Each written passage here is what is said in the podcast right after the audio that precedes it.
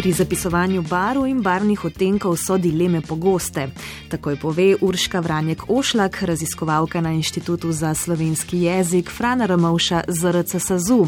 In na vprašanje, ali črno-bel pišemo skupaj, narazen ali z vezajem, odgovori. Prav ta primer pišemo z vezajem.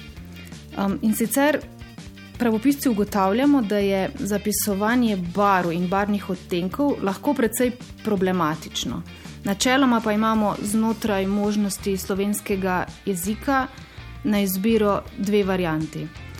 Kadar želimo izraziti barvni odtenek, tvorimo podredno zloženko, ki je zapisana skupaj. Naprimer, če imamo kolo z odtenkom, um, zeleno kolo z odtenkom rumene, je rumeno-zeleno zapisano skupaj. Um, oranžni lasje z odtenkom rdeče pa so rdeče-oranžni, spet zapisano skupaj.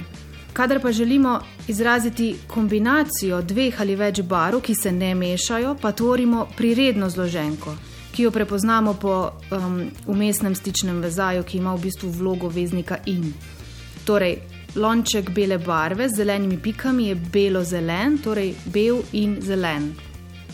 Pulover, ki ima črte um, rdeče, oranžne in rumene barve, je rdeče, oranžno, rumen oziroma rdeč in oranžen in rumen. Torej, odtenek izrazimo s podredno zloženko, ki jo zapišemo skupaj.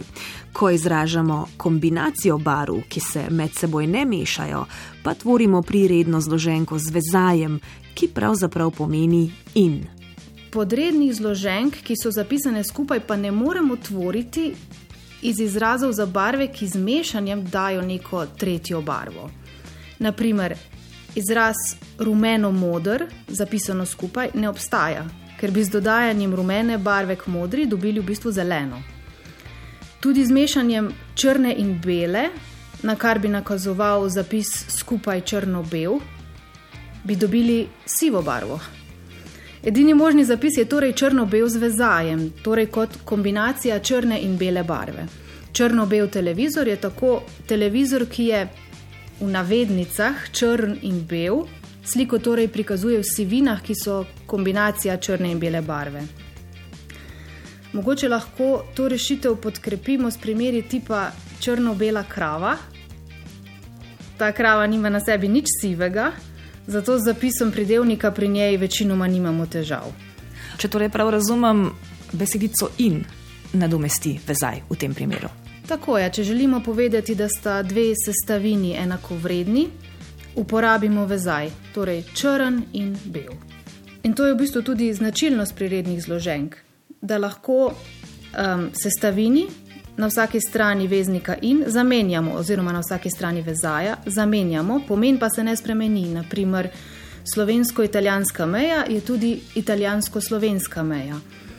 Izjemo pri um, zamenjavi sestavin predstavljajo le taka poimenovanja, kjer je vrstni red pomemben, recimo, da gre za smer, naprimer pri slovarjih. Angliško-slovenski slovar nima istega pomena kot slovensko-angliški slovar.